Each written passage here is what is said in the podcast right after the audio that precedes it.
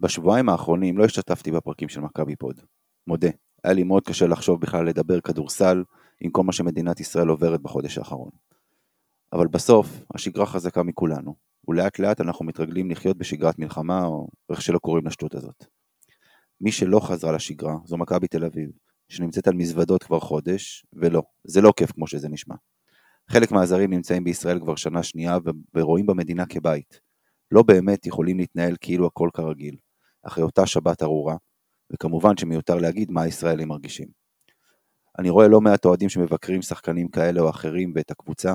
נכון, עדיין מצפים מהקבוצה לנצח, כי הרי זו מהות הספורט. אבל בסופו של דבר צריך לזכור שלפני שהם ספורטאים, מדובר בבני אדם. חלקם הורים לילדים קטנים, ושמעו סיפורים על מה שקרה לילדים שנמצאים במרחק של שעה וחצי נסיעה בסך הכל מהבית שלהם. עם כל הכבוד לרצון לנצח והרצון להישגים, הכל מתגמד בימים כאלו. שנדע ימים שקטים וטובים יותר, ושכל החיילים שלנו וכוחות הביטחון יחזרו הביתה בשלום.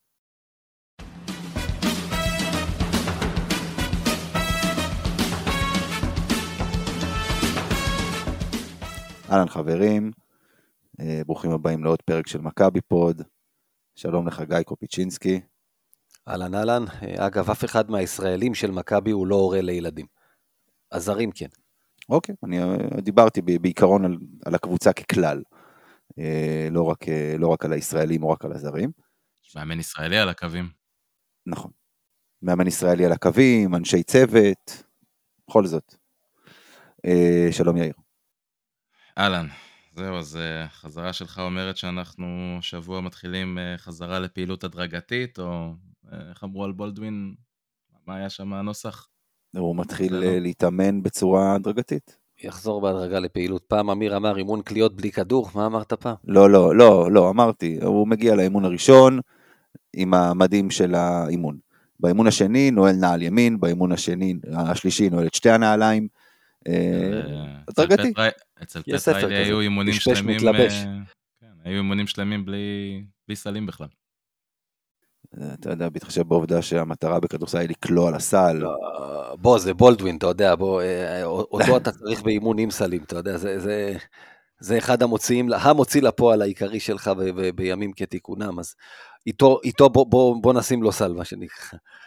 כן, אה, טוב, בואו, אה, אז בואו באמת נתחיל ככה אה, לדבר, לדבר כדורסל. בואו נדבר קצת על מילאנו, על מה שהיה לנו, ראינו ככה באמת משחק. תתחילו אתם, תגידו לי מה אתם ראיתם שם. אה, אתה, אתה יודע, אתם יודעים מה? בואו נתחיל ככה. יאיר, דבר איתנו על לורנזו. כבר אתה רוצה להתחיל איתו? אה, אוקיי. יאללה, בואו בוא, בוא, בוא, בוא, בוא נתחיל הכי, הכי מהר שלנו ונגביר לאט לאט. בואו נתחיל אה, לדבר על לורנזו, אוקיי. אמ, נתחיל בשאלה. אם הייתי מבקש מכם להגיד לי מה היכולת הכי טובה של לורנזו בראון בהתקפה, חוץ מלמסור, ראיית משחק, כל מה שקשור לזה, מה הייתם אומרים? לחדור לסל. אוקיי. היי. אה, אני הייתי, אה, רגע, חוץ מלמסור, אתה אומר. כן. חוץ מלמסור, אה, אני אומר קבלת ההחלטות שלו, לדעת מתי לזרוק ומתי למסור ומתי לעשות כל דבר. אוקיי, הכוונה הייתה יותר לכיוון דברים כמו שאמיר אמר, חדירה לסל, אני אולי הייתי אומר זריקות מה, מה-mid range, אבל... אה, מה-mid range, כן. אה, אבל כן, כמובן גם קבלת החלטות. עכשיו, לא יודע אם שמתם לב לזה, משהו השנה במשחק שלו, בינתיים בחמישה משחקים ששחקנו, השתנה בצורה מהותית. אתן לכם כמה נתונים לגביו. אנחנו מדברים על שחקן שהוא מקום רביעי העונה בכמות הקליעות שלו לשלוש למשחק בממוצע. הוא מקום שביעי בסך כל השלשות שהוא כלה ביורוליג, למרות שיש לו משחק אחד פחות, מכבי שיחקה פחות מכל הקבוצות האחרות, חוץ מרעל כמובן. אה, וזה שחקן ששנה שעברה היה מקום חמישי בסיום העונה בכמות הקליעות שלו לשתי נקודות מבחינת כמות סלים לשתי נקודות, אה, גם בממוצע, גם בסך הכל. וזה באמת היה החוזק שלו, להיכנס לצבע, לגבור על השומרים שלו בצורה, בפיזיות, זה שחקן, אנחנו לא, לא תמיד קולטים את זה, אבל דובר על, על גר בעמדה מספר 1 גבוה, מטר 96, אה, עם מיד ריינג' מאוד מאוד טוב, ששינה משמעותית את המשחק שלו בקיץ הזה, אה, והפך להיות שוטר. מדברים על, על מישהו שזורק 6 שלשות בממוצע למשחק העונה. זה אגב מקום שישי ביורוליג, לעומת 5.2 בעונה שעברה. בעונה שעברה הוא, הוא זרק 8.5 זריקות ל-2 לעומת 6 השנה. זאת אומרת, היחס שלו בין זריקות ל-2 ל-3 הוא 1 ל-1, הוא זורק אותה כמות ל-2 כמו שהוא זורק ל-3, שזה, כשלורנזו הגיע שנה שעברה, לא הייתה אחת התכונות שאמרנו, זה מה שמאפיין את המשחק שלו, שהוא קלעי ל-3. ולמה אני מעלה את כל הנתונים האלה? אני גם הלכתי אגב לבדוק, כי אמרתי אולי בגלל שבולדווין לא נמצא, יש עליו הרבה יותר לחץ, הרבה יותר עומס, אז, אז הוא הולך לדברים היותר קלים, שזה כביכול לזרוק מבחוץ, במקום להיכנס פנימה למגע. אה, דווקא בשנה שעברה במשחקים שבולדווין לא צריך... זה, ה... זה האובייס אגב, ש... זה, זה מה שאני הייתי אומר לך, מה שנקרא, בלי לבדוק נתונים, זאת יפה, הייתה השערה שלי. אז אני בדקתי את הנתונים, והנה מה הנתונים אומרים. ששנה שעברה, בחמישה משחקים שבולדווין לא שיחק, כי הוא היה פצוע, אה, זה אפילו עוד יותר אה, קיצוני ממה שהממוצעים של לורנזו היו לאורך העונה. הוא זרק 13.2 זריקות ל-2 ורק 4.4 שלשות במשחקים שבולדווין לא שיחק. זאת אומרת, זה עוד יותר קיצוני לכיוון השתיים מאשר אה, מה שהיה לו לאורך כל העונה שעברה, ובטח לעומת השנה. אולי אנחנו רואים את התהליך שמייקל ג'ורדן עבר לקראת סוף הקריירה. יכול להיות, קודם כל יכול להיות שזה כבר עניין של שחקן שקצת יותר קשה לו. אנחנו רואים שהוא באמת מתקשה נגד קבוצות מסוימות, אבל זה קבוצות שאנחנו יודעים שיהיה לו קשה נגדם אה, ברמה הפיזית, לעבור את השחקן. אה, שומרים לפעמים יותר אתלטים, יותר גבוהים. אה, אין ספק שזה חלק מזה, אבל אני חושב שזה רק מעצים עוד יותר כמה החיסרון של בולדווין הוא גדול פה, כי אנחנו מדברים עכשיו על קו אחורי, שבעצם בנוי מלורנזו בראון, שזורק אותה כמות שלשות כמו זריקות לשתיים, מג'ון די שבקושי חודר לסל, מתמיר בלאט שהוא לא, נבהל מהצבע, וקליבלנד שלפעמים משחק בעמדות הגארד שחודר יותר, אבל אה, זה עדיין, הוא עדיין לא ברמה הזאת של אה, לייצר עכשיו איום אמיתי של חדירה לטבעת בצורה עקבית. אה, אז יש פה איזשהו שינוי כזה שאני שמתי לב לגבי לורנזו בהקשר הזה. יש עוד הרבה מה לדבר עליו, אם אתם רוצים להיכנס טיפה לכל ענייני העיבודים שלו, קבלת החלטות, מה, מה, מה בעצם, למה במילאנו הוא נראה כמו שהוא נראה לעומת משחקים אחרים, שהוא נראה מאוד uh, עייף, חסר אנרגיה. אבל זה שינוי שאנחנו רואים ככה מול העיניים, ושווה ככה לשים אליו לב במשחקים הבאים.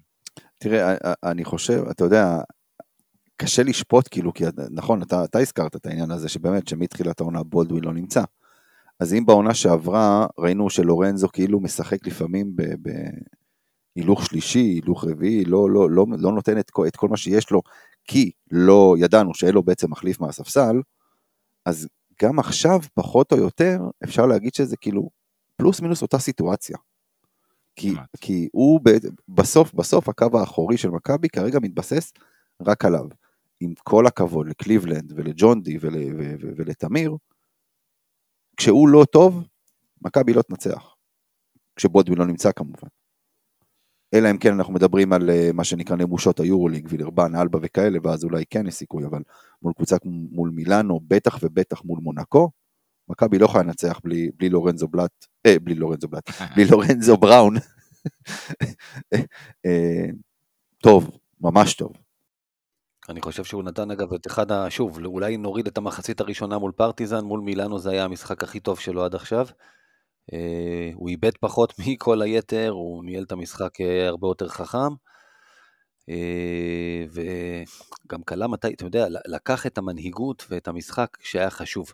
כשמכבי תל אביב הייתה צריכה סל, הוא ייצר שם הרבה פעמים איזשהו מהלך עם איזה סל גדול או עם איזה מסירה טובה.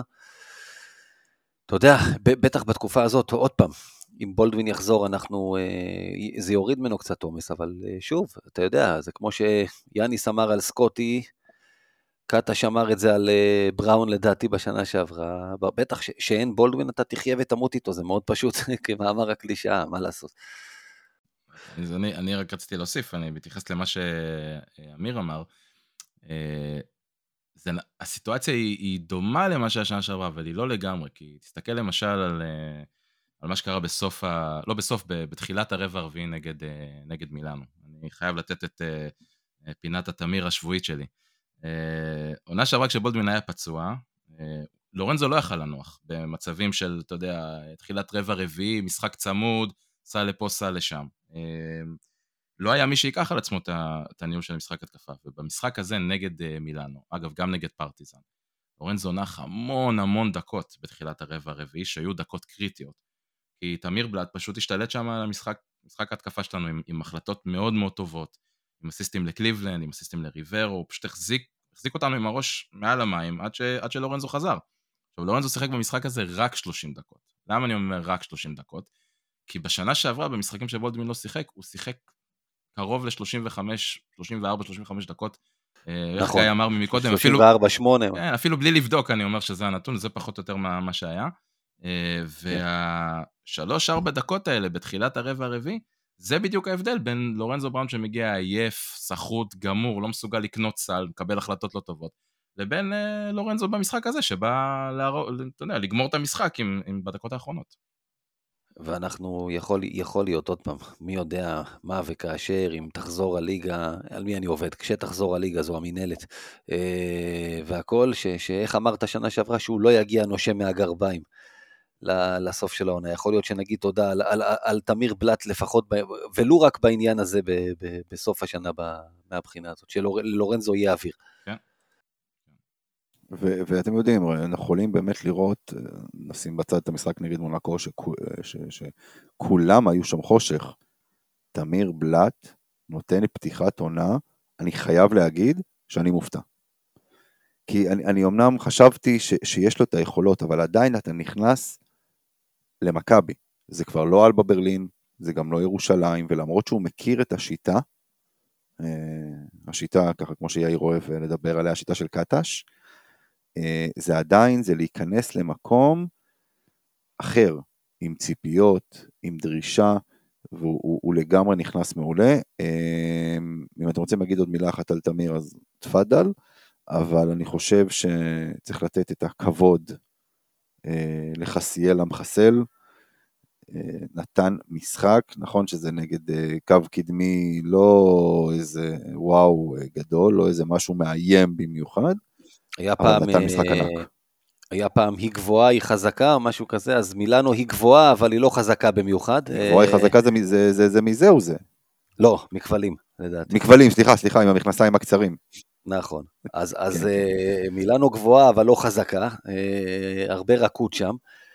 אה, אבל... אה, מצד שני, אגב, שנייה, מצד שני, מילאנו שיחקה הרבה עם, עם, עם, עם ליין מאוד מאוד מאוד גבוה. עם מירוטיץ' בשלוש, עם... כן, אה, דיברנו על זה בפרק פוי... הכנה, שהם משחקים עם שלושה גבוהים. גם בפתיחה, כן. מירוטיץ' ומלי ו... ו... ופויטמן. ו... וחסר לי עוד מישהו שם ש... שאני מפספס.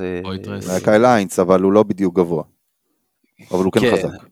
קייל היינס, קייל היינס לפחות כן חזק, הוא לא גבוה, הוא כן, היא לא גבוהה, היא כן חזקה, אבל תשמע, חסיאל הרגיש מאוד בנוח, אלה המשחקים שלו, אבל צריך להגיד משהו, באמת, אה, אתה יודע, אני אגיד את זה בכללי על מכבי, אני אחבר את זה לחסיאל, זה מאוד לזכותו של קטש בעיניי, אתה יודע, יש הרבה דיבורים על קטש מאמן מקובע. קטש, אה, אפשר לבוא אליו בטענות לפעמים על תגובות מאוחרות בזמן המשחק. אבל אני לא קורא לקטש מאמן מקובע מבחינת זה שאני רואה את עודד קטש עושה הרבה שינויים בין משחק למשחק, ומשנה ומנסה לפעמים כל מיני uh, הרכבים שונים תוך כדי משחק. מה שנגיד קודמו בתפקיד פחות היה עושה. למשל עכשיו הוא פתח עם ווב, ולמשל עכשיו מכבי תל אביב כמעט לא זרקה שלשות במשחק הזה, אנחנו יודעים שיש בעיית כליאה, אני כל הזמן אומר שלנצח בחוץ צריך לקלוע, מכבי קלה 98 נקודות, שהיא קלה סך הכל 6 שלשות, וסך הכל זרקה 20 פעם, היא הלכה פנימה, היא ראתה שיש שם יתרון, ודחפה את הכדורים פנימה פעם אחרי פעם. וחסיאל נהנה מזה, ראינו את זה גם מול פרטיזן, שהבן אדם יודע לשחק עם גב לסל. הוא תכלס הגבוה היחיד במכבי שעושה את זה כמו שצריך באופן עקבי. ומכבי דחפה לו כדורים. אה, זה, ואתם יודעים, השורט רול שהוא יודע לעשות, התנועה שלו ככה, שהוא זז אה, בלי כדור את ה... לפעמים את החצי תנועה שמספיקה לפנות אותו. ואתה יודע, איך אמרו, לא כל יום פורים, אבל uh, במקרה הזה יום הולדת, אז נגיד היה יום הולדתו ה-30, זה נורא מצחיק, כי אנשים הופתעו לגלות שהוא בן 30, כי אמרו, מה? הייתי בטוח שהוא 6-7 שנים פחות. גם כשרואים אותו ומדברים אותו איתו, אתה בטוח שהוא הרבה יותר צעיר. תשמע, גם היה לו גשר בשיניים, אתה יודע, אתה אומר, בוא'נה, הוא בן 13 בכלל. הוא בכלל עוד לא מתגלח, אתה יודע, זה כאילו, כן, עוד מעט מתחלף לו הכל. הוא סתם גבוה. מה אומרים הרופאים? זה עוד יגדל, כן, אבל האיש, הילד בן 30, כמו שאומרים, וביום ההולדת 30, הוא נתן כמעט את משחק השיא, אגב, והשיא שלו ביורוליג הוא 22. יש לו משחק עם נקודה יותר uh, במדי ולנסיה. אבל uh, זה, זה מה שהוא צריך להביא למכבי, צריך להגיד, הוא לא יביא את זה בכל משחק. לא מול כל קבוצה הוא ירגיש בנוח כל כך, גם שמכבי תשחק עליו. מי שחושב שהוא, יש לך שקיל אוניל חדש, שזה לא יקרה, אחת ל, אתה יודע, תקבל ממנו את המשחק הזה, אה, ושזה יקרה, בדרך כלל מכבי תנצח, בוא נגיד ככה. קודם כל, אה, אני חושב שהדברים שאני שמתי לב לגביו, חוץ מכמובן הנקודות, המדד, כל, כל מה שהוא נתן שם, אה, זה שאחד, זה מרגיש כאילו לורנזו... שתי חטיפות, דרך אגב, עוד משהו. כן. שתי חטיפות, כמו קליבלנד. כן, זה גם נתון יפה, בטח שחקן בעמדה שלו. אה, זה מרגיש כאילו לורנזו ותמיר קצת למדו יותר טוב אה, איפה למצוא אותו, בעיקר אחרי מהלכי פיק אנד רול.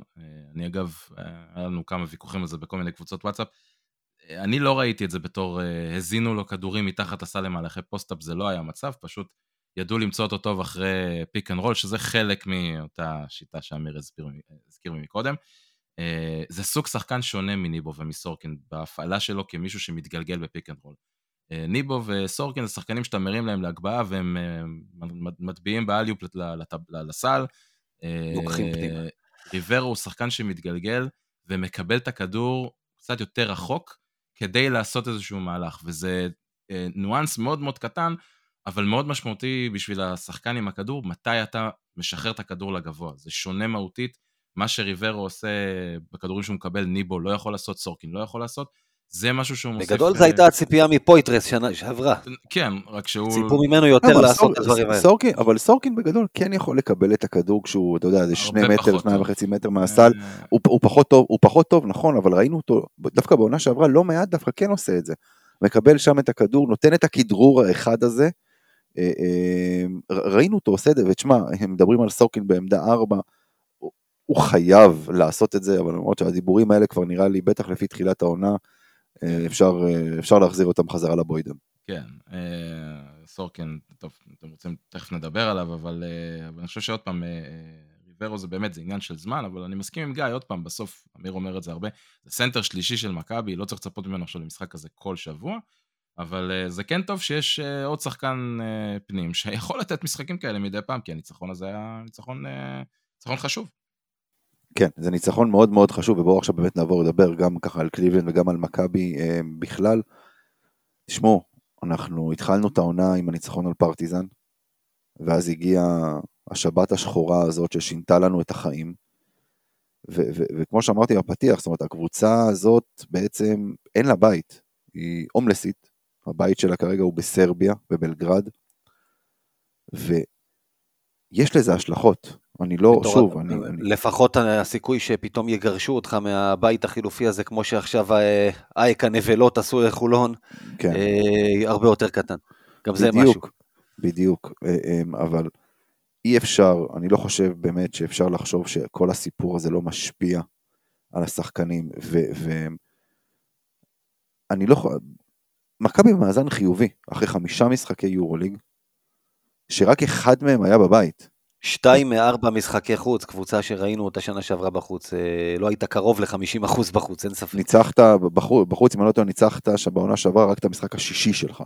חמישה משנים עשר בסך הכל, עד שהגיעה מילאנו הפצועה והגמורה לא ניצחת אחד, כן, אני לא זוכר אם זה היה השישי. לא. 15 משחקי חוץ כדי לעשות שני, שני ניצחונות, זה שמעתי היום ביורוסטפ עוד, אז אני מניח שהם צודקים. יפה, ו- ו- ו- וניצחת, שוב, מעבר למילאנו, שאני, שנה אחרי שנה אני אומר שאני לא יודע מה, מה אני לא יודע מה, מה מסינה מרכיב שם, מרכיב שם בית אבות, בית אבות קו נטוי בית הלוחם. לא, לא, לא יודע מה, מה, מה קורה שם. הוא בונה את אלופת אה, היורוליג שלפני חמש שנים, זה מה שהוא בונה כל שנה. כן, כן, האמת שככה זה נראה, ו, ו, אבל ניצחת את פנתנייקוס בחוץ, שזה, שזה כן משמעותי. תשמעו, אה, אני, אני, אני באמת חושב ש... יכולים להגיד עליה הרבה דברים, אבל צריך להגיד פה למכבי שאפו ענק על, על פתיחת עונה כזו, כי, כי אני, אני, אני לא חושב שמישהו ציפה לזה. אני לא יודע אם לא להגיד, אתה יודע, קודם כל, שמע, אם היית, אם היה לך בית והיית מארח את ולנסיה, אנחנו מדברים על הסיטואציה הנוכחית, גיא. סיטואציה נוכחית, אתה צריך להבין, שמע, עוד פעם, אני לא רוצה לכבות, אתה מקבל הרבה מהקבוצות במצבים מאוד מאוד נוחים, כמו למשל את פנתנאיקוס, אגב, גם, גם את פרטיזן במחזור הראשון, אתה מקבל אותם במצבים נוחים. צריך לדעת לנצל הזדמנויות. מכבי, אני מזכיר לך, אתה יודע, אנחנו אוהדים את מכבי איזה יום או יומיים, כמה פעמים קיבלנו הזדמנויות ודיברנו על זה, לא הבעיטות המפוארות בדלי.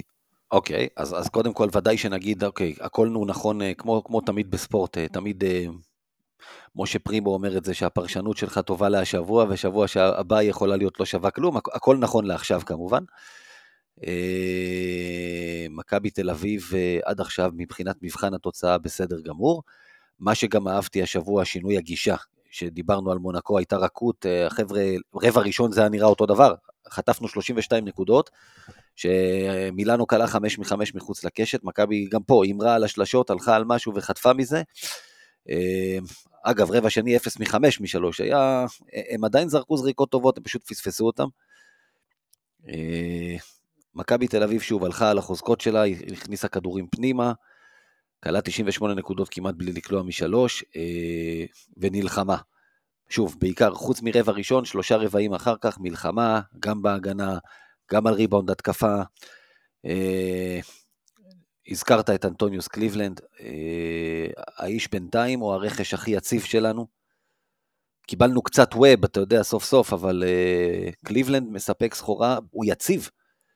זאת אומרת, שהוא מקבל, הוא נותן, אתה יודע, והוא גם קטש לאט לאט נותן לו יותר דקות. הוא יציב, הוא יציב בהגנה בעיקר, הוא יציב במה שהוא נותן לך בזה. בהתקפה, אתה יודע, היו לו כבר משחקים יותר טובים ופחות טובים מהעונה. 15 אה, נקודות, אנחנו לא נתלונן על משחקים של 15 נקודות ממנו, אה, והוא יודע גם מה החוזקות שלו, הוא לא עושה דברים, אתה יודע, איך אומרים, הוא לא עושה דברים שהוא לא יודע. ואת זה אני מאוד אוהב לראות, הוא יודע שכליאה זה לא מי יודע כמה הוא הולך, הוא תוקף את הטבעת, הוא רץ כל הזמן קדימה, הוא חוטף, הוא חוטף שתי חטיפות כל משחק.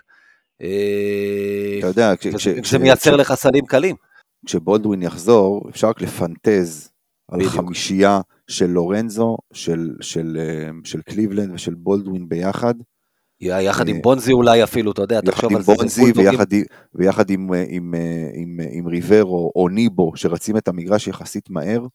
או אפילו עם ווב, אגב, אתה יכול אה, להוציא את לורנזו מחמישייה כזאת ולשחק בונזי וווב וחסיאל יחד עם אה, בולדווין ולידו קליבלנד, זה גם, זה חמישייה של בולדוגים. לייצר פה, לייצר פה חמישיות מאוד מאוד מאוד מעניינות, אנחנו באמת, אתה יודע, קליבלנד היה סימן שאלה, הוא סימן קריאה עכשיו לגמרי, גם אם הוא לא ייתן לך כל ערב 15 נקודות, הגנתית, יש לך שני סטופרים הגנתיים, כשבולדווין יחזור.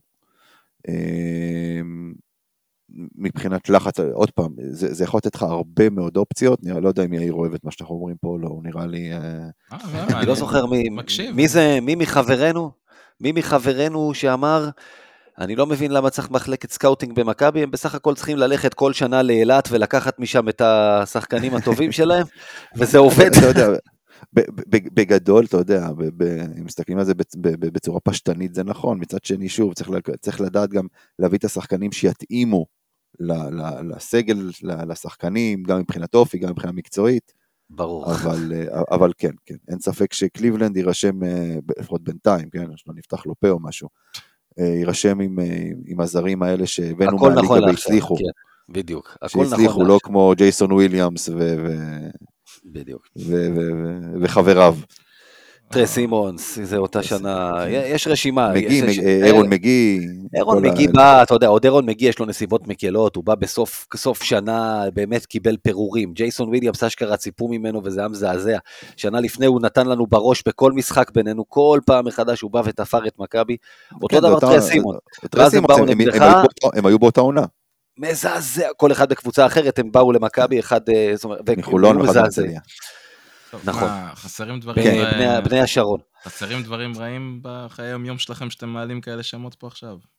אתם נהנים אוקיי, מזה? אוקיי, אפרופו, אתה רוצה לדבר על, על דברים שבאו מאילת, אתה יודע, פעם אבי הזכיר בהקשר חיובי את דיאנדרה קיין, גם זה מאילת, אבל אה, זה נראה לי פחות עושה לך את זה. לא, אני לא יודע מה אתם רוצים. ג'ייסון וויליאמס היה אהב טיפוס של דיאנדרה קיין, הוא היה דיאנדרה קיין לפני דיאנדרה אני לא מבין מה אתה, אני, אני, אני מתכחש לכל הדברים האלה, אני הדבר האחרון שהבאתי מאלעד זה נינטנדו, אני לא יודע מה אתם רוצים uh, עכשיו להתחיל לדבר איתי על שחקנים uh, כאלה ואחרים שהגיעו מאילת. טוב. תגיד, שקונים שחקן מאילת זה גם בלי מע"מ? אולי בגלל זה אנחנו קונים ככה הרבה מאילת, זה בלי מע"מ? זה יותר זול? יכול להיות, בלי עמלת סוכן. אה, כן, בדיוק. אני רוצה להתחבר רגע לדיון לגבי מילאנו, לגבי כל סיפור האופי. אני, קודם כל אני מקווה מאוד שהמשחק הזה קצת אה, ישתיק את כל הרצח אופי שנעשה למכבי אחרי מונקו. לא נגיד על ידי מי ומה, אבל אה, בכל מיני פלטפורמות ובכל מיני מקומות. לי זה הרגיש שממש הלכו חזק מדי על, על, על האופי של מכבי אחרי, אחרי משחק אחד. אה, וזה קצת יהיה מצחיק בדיעבד לשמוע את הפרק של מונקו, את הפרק שאחרי מונקו ואת הפרק שאחרי מילאנו, ולספר לעצמנו שזה שלושה פרקים עוקבים אה, מבחינת ההתייחסות לקבוצה ולאופי ולדברים האלה. אני גם, אני גם לא לגמרי מסכים שברבע הראשון לא ראינו מלחמה, ראינו הגנה רעה מאוד עם המון טעויות, שתכף אני אשמח קצת להיכנס יותר להגנה של, של מכבי, אבל... אה, המון המון טעויות שפשוט תורגמו לנקודות של אה, מילאנו. אה, אבל הקבוצה, בעיניי לפחות, באה לשחק מהרגע הראשון, ראו שהם רוצים לנצח, ראו שהם באו אחרת מאיך שהם באו למשחק נגד מונקו, ושוב, במצב הנוכחי אני, אני לא מאשים שם אף אחד, ואני לא בא בטענות לאף אחד, גם בלי מלחמה אמרתי, הדברים האלה יכולים לקרות, לפחות פעם בעונה, וזה בסדר, גם צריך לדעת להתאושש מזה, וצריך לדעת להתרומם כקבוצה ולבוא ולתת משחק כמו שנתנו במילאנו.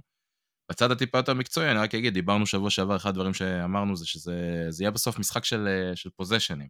Uh, ומכבי הצליחה במשחק הזה לקבל יותר הזדמנויות כליאה uh, מהממוצע שלה עד מילאנו, והרבה יותר ממה שהיריבות של מילאנו בדרך כלל מקבלת, מקבלות.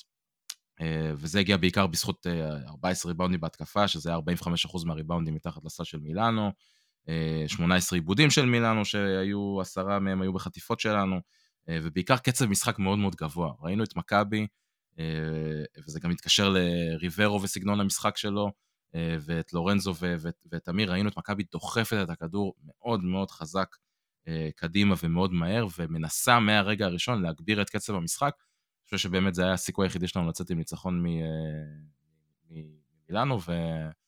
וטוב שעשינו את זה. אוקיי, okay, אז, אז ככה הזכרנו באמת קצת את קליבלנד ואת, ה, ו, ו, ואת ההגנה שלו. בואו נדבר רגע על ההגנה הקבוצתית של מכבי.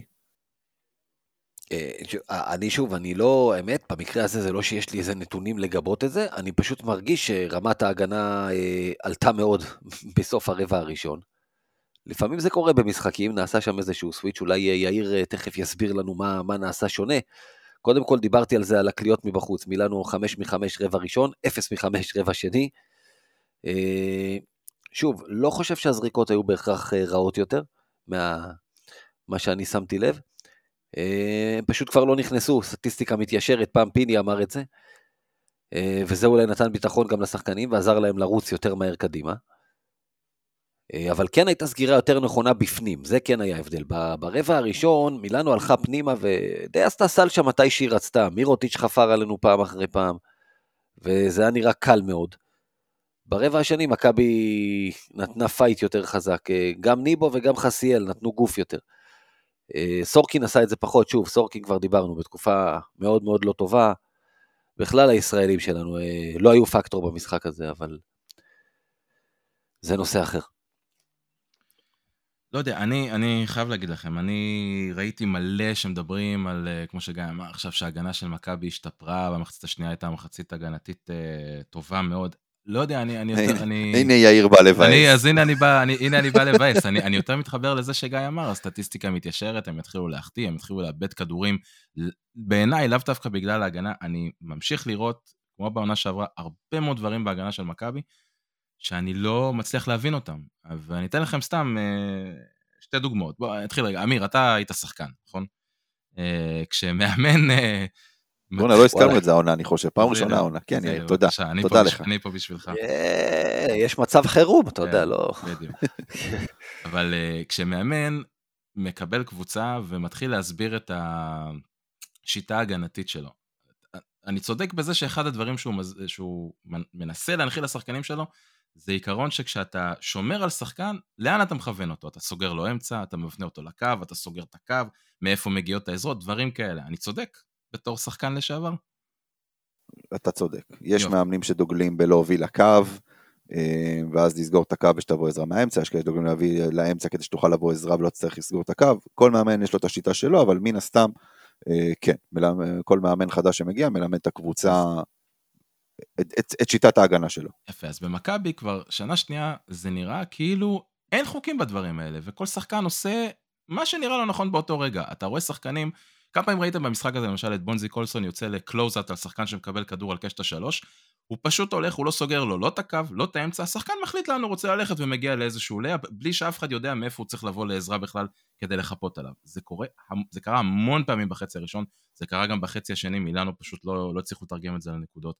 אה, אתן לכם עוד דוגמה, מכבי תל אביב אה, ב-pick and roll, איכשהו תמיד בוחרת את הטיפולים הכי מורכבים והכי מסובכים שיש, שזה או איזשהו drop אה, defense אה, כזה, שבו הגארד צריך לעבור את החסימה בזמן שהגבוה הולך טיפה אחורה, או מנסים אה, לעשות איזשהו חילוף, אבל איכשהו תמיד אנחנו מביאים את הקבוצה השנייה למצב שהגארד עם הכדור, הוא זה שמחליט מה קורה, הוא זה שמחליט מה עושים, וכשאתה משחק נגד קבוצות למשל כמו מונקו עם מייק ג'יימס, אז הוא מפרק לך את הצורה בדברים האלה. כשאתה משחק נגד קבוצות כמו מילאנו, שיש להם גארדים קצת פחות טובים בדברים האלה, אז זה עובד בפרקים מסוימים טיפה יותר טוב. מצד שני, אנחנו רואים איך קבוצות מטפלות למשל במכבי. אתם, זוכ... אתם ראיתם במשחק הזה איך מילאנו, וכמעט כל קבוצה של מכבי שיחקה נגדה השנה, טיפלה בפיק אנד רול כשלורנזו בראון עם הכדור. הם עושים איזה משהו שנקרא ice. זה בגדול אומר שהשחקן ששומר על לורנזו, פותח לו את הצד הרחוק מהשחקן החוסם. זאת אומרת, מכוון אותו ללכת הפוך מהחסימה, אה, כדי לא לאפשר למכבי לעשות, אה, להקשות על, על המהלך שלורנזו רוצה לעשות, וזה בעצם להדביק את השחקן שלו לחסימה. מכבי תל אביב לא עושה את זה מאיזושהי סיבה, שזה כאילו הטיפול שבעיקרון אמור כאילו להיות אה, אה, אולי יותר קל לקבוצה כמו מכבי שמשחקת נגד אה, גארדים דומיננטיים, כי כאילו, אתה יודע, אתה מסתכל על, מיל, על מילאנו, ואתה אומר בואנה, תנו לאלכס פרויטרס לקבל את הכדור ב, ב, ב, ב, אה, על קו העונשין פחות או יותר, בוא נראה אותו מקבל החלטות עם הכדור. שנה שעברה זה לא עבד כזה טוב במכבי, בוא נראה עד כמה הוא ישתפר מזה. בוא ניתן לניקולה מלי לעשות את זה משם, ומשום מה לא עושים את זה, בוחרים בטיפולים הכי קשים, ומקבלים איזה נקודות פעם אחרי פעם אחרי פעם, אני לא יודע, אני עדיין רואה אה, הגנה מאוד מאוד לא טובה במכבי, עם המון טעויות שחוזרות על עצמן, אני לא רואה שיפור שם, אני חייב להגיד. תשמע, אתה, אתה רוצה שיפור הגנתי, תחכה למרץ, אנחנו רק בנובמבר. אה, אוקיי. אה, לא, אחרי, אני חושב שכבר הייתי במרץ, לא? שנה שעברה. אני כאילו, הייתי אמור, הייתי אמור כאילו להתחיל במרץ השנה, לא? תשמע, אני לא, אני לא יודע, המצב שלנו, אני לא יודע, אנחנו בנובמבר, אנחנו במרץ, אנחנו בחנוכה, בפ... אני לא יודע מה, אנחנו, שגרת מלחמה הזו בלבלה הכל. אבל לא, אני, אני, אני כן נוטה להסכים איתך שהייתה ציפייה שההגנה השנה תהיה יותר מהודקת, יותר טובה, עוד פעם, בגלל שכר הלימוד ששילמנו בשנה שעברה. אה, אני, אני מסכים איתך. אה, אבל אתה יודע, עוד פעם, בינתיים זה יחסית עובד, זאת אומרת לפחות על פי התוצאות, למרות שעוד פעם אתה ניצחת עד עכשיו בהתקפה ולא, ולא בהגנה, השאלה היא עד כמה אנחנו באמת מצפים מקבוצות של השנה לנצח בהגנה. אה, וזה משהו שצריך לשים את זה על השולחן. שהשאלה היא עד כמה רחוק אתה רוצה ללכת, בסוף יש איזשהו שלב שאתה לא תסתדר בלי. אה, נכון, אני מסכים. תראה, נגד פנתנאיקוס למשל, שוב, אני לא ראיתי הגנות גדולות כמו התקפות מזעזעות. אה, ראינו מה קורה מול מונקו שלא שומרים על קבוצה שכן תעניש אותך, אה, שיש לה גרדים יותר מוכשרים, ולרוב הקבוצות הטובות ביבשת יש גרדים יותר מוכשרים משל מילאנו, או לפחות גם יותר בכמות, יותר גרדים מוכשרים. אה, וזה נכון, אבל אנחנו כן מצפים שאם התקדמות העונה, שוב, לא יודע אם נחזור הביתה, הבית תמיד עוזר לשמור יותר טוב, שקהל עוזר לך ומטריף אותך, אני לא יודע אם זה, אם, האם ומתי זה יקרה. אה, אבל אה, אני כן מצפה שההגנה תתחיל לעבוד יותר טוב במהלך העונה, זה גם מה שקרה שנה שעברה בסופו של דבר. אה, אמר אוהד סידוק ידידנו, שמכבי בסוף כן שמרה על שחקנים מסוימים, אבל הוא אמר היא עברה מהפכה, זה לא מהפכה, אבל יש כמה שחקנים חדשים שהם גם, הם כן משמעותיים אה, בכל מה שנוגע לתפקוד של הגנה ודורשים איזה שהם התאמות ואיזושהי בנייה מחדש. בחמישייה הראשונה שלך, בגדול, אלא אם כן, אתה יודע, במשחק האחרון עלית עם ווב, אני חושב שגם נגד פרטיזן עלית עם ווב, וכל השאר עלית עם ג'יי כהן. זו אותה חמישייה משנה שעברה. אה, סליחה, בעצם לא, יש לך את קליבלנד עכשיו, כי בולדווין לא, לא, לא נמצא, נכון. החמישה של מכבי משתנה כמעט כל משחק, אבל ווב עלה במשחק הזה בגלל מירוטיץ'. מירוטיץ'. לא היה לנו כן, מישהו אחר שיכול לשמור עליו. חלק גדול מהמשחק הוא עשה עבודה טובה מאוד, אבל זה עלה לנו במקומות אחרים, פרויטמן למשל. כן, אבל, אבל אה, מילה אחת אחרונה, אני רק רוצה לתקן את גיא במשהו שהוא אמר קודם אה, לגבי הישראלים. עוד פעם, קיבלנו תפוקה מתמיר. אה, מכל השאר, מן הסתם פחות, ג'ון די שיחק רק שתי דקות, אבל תמיר כן, כן נתן עבודה, כל השאר לא, ועוד פעם, אני חושב שאפשר, מבחינתי, שוב, במיוחד לישראלים, מתחשב כן, במצב, כי... זה נקודות לא, אבל אסיסטים קיבלת ממנו, כן, שבעה נכון, אסיסטים. כן. אתה הבאת אותו בשביל ניהול משחק. הנקודות שלו זה בונוס. הוא מסוגל גם לקלוע יותר, אתה יודע, בוא נגיד היד שלו בחוץ, אני כן מצפה ממנו לקלוע טוב יותר, אבל בסדר, עוד פעם, אין טענות לתמיר עד עכשיו, הוא שוב, אליו ולקליבלנד אה, עקבית, אין שום בעיה. עד עכשיו רכש מוצלח, בלי, בלי ספק. אוקיי, אז בואו עכשיו, אה, אלא אם כן יש לכם עוד משהו שאתם רוצים לדבר על, אה, על מילאנו, בואו נעבור בעצם לדבר על ביירן מינכן. איזה שלושה של הארי קיין נגד דורטמונד, יא אללה. מדהים, מדהים, באמת. אבל תשמע, אבל איזה איצטדיון הר... של דורטמונד, אה? כן, כן, הישראלים שבאו לשם מעוטף עזה נהנו מאוד, וארי קיין אה, נכנס לנעליים של לבנדובסקי. רגע, שנייה, אנחנו מדברים על ביין כדורסל, רגע, רגע. פה אין הרבה מה להגיד, או הרבה פחות. לא, יש לך, תראה, אתה, אתה יודע, אני, אני חושב שהכוכב הגדול של ביירן נמצא דווקא על הספסל. אה, פבלו לסו, אני חושב שזה די, אתה יודע, חוזר, אה, חוזר, חזר ליורוליג העונה אחרי כל הסיפור אה, שהיה לו עם ריאל מדריד. אמ, אבל אם, אם, אם אנחנו מסתכלים ככה באמת על הסגל, אה, על הסגל של ביירן מינכן, אנחנו לא רואים שם איזשהו כוכב גדול שצריך, אתה יודע, חוץ מאולי אפשר להגיד באמת על אובסט שעשה קיץ נהדר עם נבחרת גרמניה. אבל מעבר לזה... אבל, הוא לא כוכב של קבוצות, הוא כזה שחקן שהוא קלעי שמשחקים עליו תרגילים ונותן לך, כן, ב- בתוך קבוצה, הוא לא ככה שייקח כדור ואתה יודע. לא, בסדר גמור, אז, אז, אז על אחת כמה וכמה אנחנו שוב מדברים פה, אתה יודע, היה רעש קצת כש... כש אה, כשסרג'י בק, אה, בקה הגיע, אבל שוב, אין פה איזושהי קבוצה שאתה בא ואתה אומר, אוקיי, תהיה לנו פה איזושהי בעיה. בוא נגיד ככה, בייר מינכן זו קבוצה שאתה צריך לנצח, גם במשחק בית, גם אם הבית שלך הוא בבלגרד. גם, גם אם אתה לא בבית, אבל uh, יש כמה שחקנים שכן uh, מסורתית מסוגלים לעשות למכבי בעיות. קודם כל אובסט הזכרת, אם מכבי תל אביב לא תשמור עליו, אתה יודע, זכור את אשר עשה לך קצ'מן ב-2010. אה, אייזק בונגה, שחקן שכן העלה רמה השנה, העלה את הממוצעים שלו בשתיים וחצי כמעט נקודות לעומת ממוצע, ממוצע משנה שעברה. אני, אני, אני לא אשכח שאמרת אחרי ההפסד שנה שעברה שקיבלנו את כל הבונגה. קיבלנו את, בדיוק, אז צריך להיזהר שלא נקבל את כל הבונגה גם הפעם, זה בדיוק מסוג השחקנים האלה שיכולים לבוא ולתפור אותך בערב נתון. קרסן אדוארדס וסילבן פרנסיסקו הם שחקנים שגם, שוב, ערב נתון יכולים להתפוצץ, ויש להם כאלה, ונותנים מספרים לא רעים בכלל. שוב, בסוף, ואיבאקה, אתה יודע, עוד פעם, אה, דיברת על מסינה, על זה שהוא בונה את הקבוצה שלפני חמש שנים. אם היית מקבל את איבאקה ששיחק אז עם ריאל מדריד נגד, אה, במשחק הנהדר ההוא עם ג'ורדן פארמר ומכבי בצד השני, אה, אבל האיבאקה של היום הוא לא האיבאקה של פעם, אבל גם, אין לדעת, אתה יודע, אם הוא פתאום ייזכר, יחזור פתאום לערב אחד בזמן. זו קבוצה שיכולה לסכן אותך, שוב, בטח שאין לך את הקהל לדחוף אותך. אי אפשר לזלזל במשחק הזה בשום צורה, ולבוא בהנחה שניצחת עוד לפני שעלית לשחק, וסליחה על הקלישה. לא, לא, ברור שלא, אנחנו יודעים את זה, ביורוליג אין משחקים קלים, אה, ואתה יכול לנצח, ואתה יכול גם להפסיד את המשחקים האלה, אבל... הם גם ב-2-4, אתה יודע, הם גם ב- בלחץ די גדול אה, לנצח את המשחק הזה. אגב, פבלו לסו, הזכרת אותו, זה חתיכת מבחן השנה, הזה, השנה הזאת בשבילו. כי זה מחוץ לבית שהוא התרגל, לחממה. נקרא לזה ככה, של, של ריאל מדריד. זה, זה לא רק החממה, זה, זה, אתה יודע, הוא עזב את ריאל מדריד, אה, קבוצה עם תקציב עתק, עם סגל לא נגמר, אה, ועבר לקבוצה עם תקציב בינוני, ש, ששם, בוא נגיד ככה, שם יכולות האימון שלו אה, צריכות לבוא יותר לידי ביטוי מאשר בריאל מדריד, שיש לך קבוצה של סופרסטארים, ואתה יודע, כשדיברו בקיץ על להביא את פבלו לאסו, אתה יודע, היו כל מיני דיבורים כאלה, הוא פנוי, הוא רוצה לחזור, אה, אה, או הסיפורים בכלל עם נבחרת ישראל, אה, אז, אז אני, אני בזמנו אמרתי שאני לא חושב שלאסו מתאים, כי לאסו עד עכשיו צריך, צריך שיהיה כישורים לאמן קבוצה כמו ריאל מדריד, אין ספק בזה.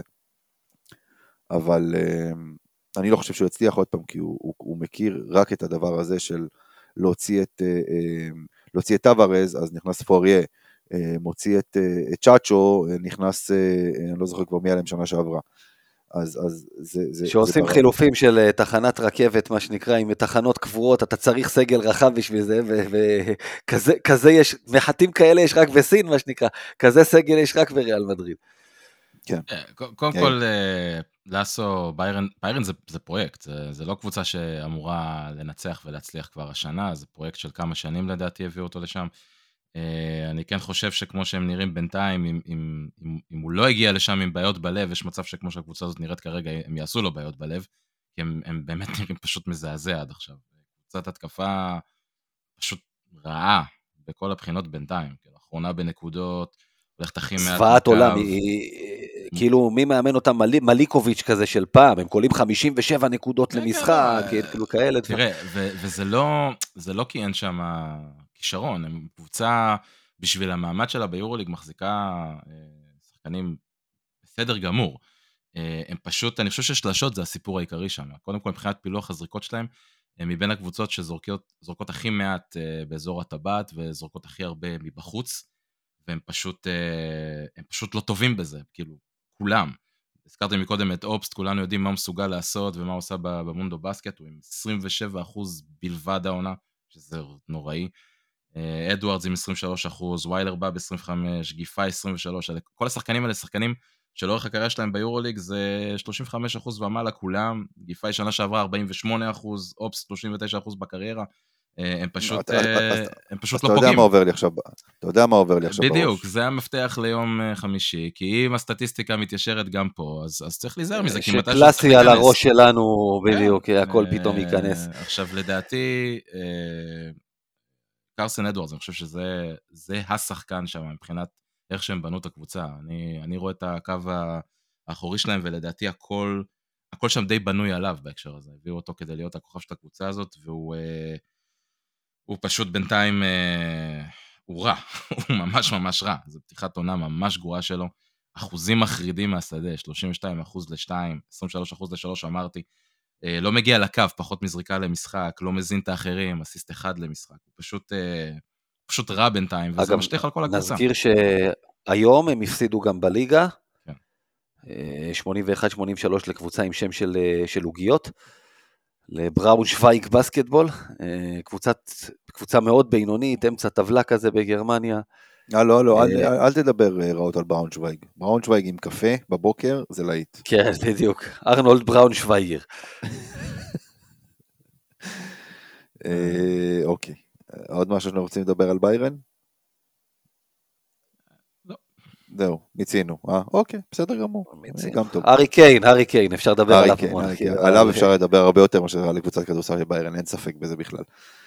אה, אוקיי, בואו, אה, אז בואו נעבור עכשיו להימורים. תוצאות, רגע, יאיר יקריא את התוצאות לא, לא של שבוע שעבר, זה חשוב. בסדר, לא, היה שבוע בסדר סך הכל. אה, כן, בואו נפתח את זה. אז אה, ככה, בשבוע שעבר, בהימורים שלנו, גיא ניצח את השבוע שעבר, עשה חמש מחמש, יפה מאוד. חמש מחמש, כן. אמיר עשה שלוש מחמש, אני עשיתי אחד מחמש, בניגוד להרבה מאוד פרסומים שרצו בכל מיני מקומות על זה שעשיתי 0 מ-5, זה פייק ניוז. 0 מ-5, לא, לא. אל תאמינו למה שגיא אומר. זה היה, אין, אין, זה, זה בגלל, יודע, בגלל המלחמה, מלא פייק רץ נכון, ברשתות, מלא מלא פייק. אל תאמינו, זה 1 מ-5. כן. אה, נזכיר, אה, בפינת האורח או הצילוק, 2 מ-5, נכון? 2 מ-5, נכון. סך הכל... אורחים שגיא מביא, הם עושים 2 מ-5. סך הכל... סך הכל גיא ואמיר בשוויון 7 במקום ראשון שני, אני עם 5. אתם רוצים רגע על המאזינים שלנו בקצרה? יא, בוודאי. אוקיי, אז נגיד ככה, אה, זה, זה לא, מן הסתם לא, לא מייצג יותר מדי, כי היה רק שבועיים שבאמת אנשים אה, הימרו, ואנחנו אמרנו שאנחנו עושים את הדירוג לפי אחוזים וכאלה. אה, אז אני כן אציין שני חבר'ה שהימרו בשני השבועות האלה.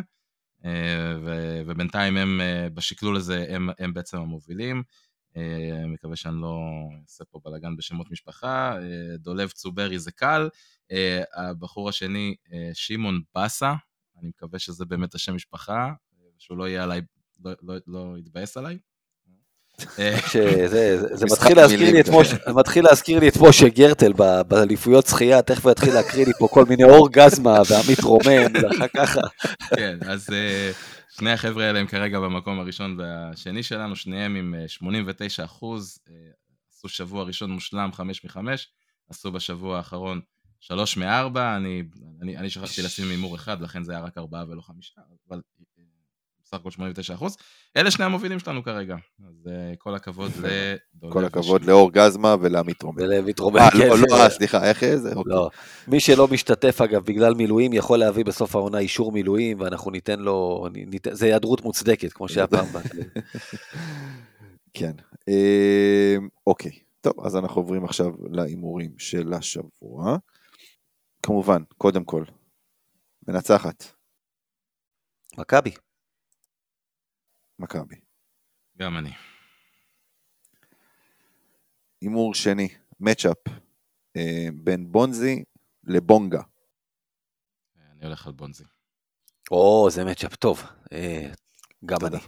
תודה. אה, כן, גם אני. זה מצ'אפ טוב, זה מעניין. טוב, אבל אה, בונזי. under over, הזכרנו אותו ככה פה בכמה מילים, ב- כולנו נקווה שהוא יצא כבר מהמשבר. under שבע וחצי נקודות לרומן סורקין. יאיר עושה פרצוף כאילו זה הימור אה, הזוי. לא, לא, לא הזוי, להפך, אני מאוד מתלבט. אני לא בא לי ללכת אה. נגד סורקין, אבל אה, לא, אני הולך עם סורקין, זה, זה לא מפתיע אותנו. אני יודע. גיא, under. אני, אני אלך גם under. אני הולך over. אה, הימור הבא שלנו, עוד matchup בין קליבלנד לבין קרסן אדוארדס. נקודות. כן, ברור שנקודות. מה, מה, מה, אני יודע. שאלתי איזה, איזה, איזה- כאילו מה, מה? תסביר לי, כן, איזה עוד הימור יכול להיות ביניהם? לא יודע, קל- קליבלנד זה שחקן שבגדול אתה פחות מודד אותו בטור של הנקודות. אה, פה- פה אני אלך על קרסן אדוארדס. אה, גם אני. אני לא. נכון שאתם מופתעים? מאוד. אני לא יודע אם שמעת מה שיאיר אמר שנה שעברה, ששנתיים רצוף אתה האחרון בהימורים, לא, לא בטוח שאתה היית מצפה שאולי תשנה קצת אסטרטגיה, אבל בסדר. אני לא משנה שום אסטרטגיה. אצלי זה תהליך, trust the process.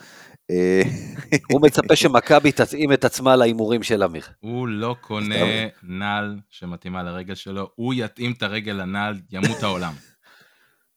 גיא, כולנו היינו רוצים שמכבי יתאימו את עצמם להימורים שלי, תאמין לי. אנחנו אלופי העולם, לא אלופ- לא אלופי היורו. בוודאי, בוודאי. אלופי. NBA, אנחנו אנחנו מתאים את עצמנו לאלופי ההימורים של אמיר. היו לוקחים אותנו לשחק נגד המונסטרס מרוב שלא הייתה לנו תחרות פה בכדור הארץ. אה, טוב, והימור אחרון, אה, מי לוקחת יותר ריבאונדים? לפני שאתם מהמרים, קבלו רגע את הנתונים. ביירן מינכן, קבוצת ריבאונד טובה מאוד. מקום ראשון ביורוליג. מקום ראשון ביורוליג בריבאונדים, עם 40.3 למשחק. מכבי תל אביב רק שביעית, עם 34.4. מה שמוכיח, אגב, שמשחקים של ביירן, לא הריבאונדים, אה, הריבאונדים זה לא מפתח לניצחון. כן, אבל אני חושב שכן, במקרה הזה מכבי תל אביב, אם היא תנצח בריבאונד, היא תעשה לעצמה, היא- איך אומרים, אתה מנטרל את היתרון הכי גדול. אם הם לא קולים בחוץ ולא זה, אתה תנצח בריבאונד, עשית לעצמך חיים הרבה יותר קלים. אני, אני מהמר על מכבי. אני גם. ו- ו- ואני אלך איתכם. כן. בקיצור, כולכם בונקריסטים. טוב, אה, אנחנו, אז אה, אלה ההימורים שלנו השבוע.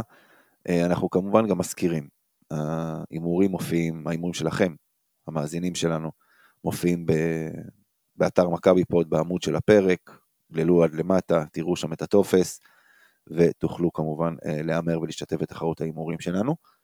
אה, אז אנחנו כאן מסיימים את הפרק. אז קודם כל, תודה רבה לך יאיר זרצקי, תודה, תודה רבה. תודה רבה לך גיא קופיצ'ינסקי. תודה רבה, אה, לא הכלנו את זה שבוע שעבר. החלמה מהירה לכל חיילי צה"ל, לפצועים, חזרה מהירה בשלום לחיילים, לשבויים, לנעדרים, ושנכסח במהרה את החמאס המנוול וכמה שיותר טוב וכמה שיותר מהר. בול, מה שגיא אמר. אה, אז אה, תודה רבה לכל מי שהאזין לנו, ואתם יכולים כמובן למצוא אותנו גם בפייסבוק, בקבוצת אוהדים של מכבי תל אביב, או בדף מכבי פוד, אגב. אנחנו כל הזמן מזכירים את הקבוצה, אבל יש לנו גם את דף מכבי פוד, בפייסבוק, אה, באינסטגרם, בטוויטר וקהילת הוואטסאפ שלנו, וגם כמובן באתר מכבי פוד. אז תודה רבה לכולם, ויאללה מכבי.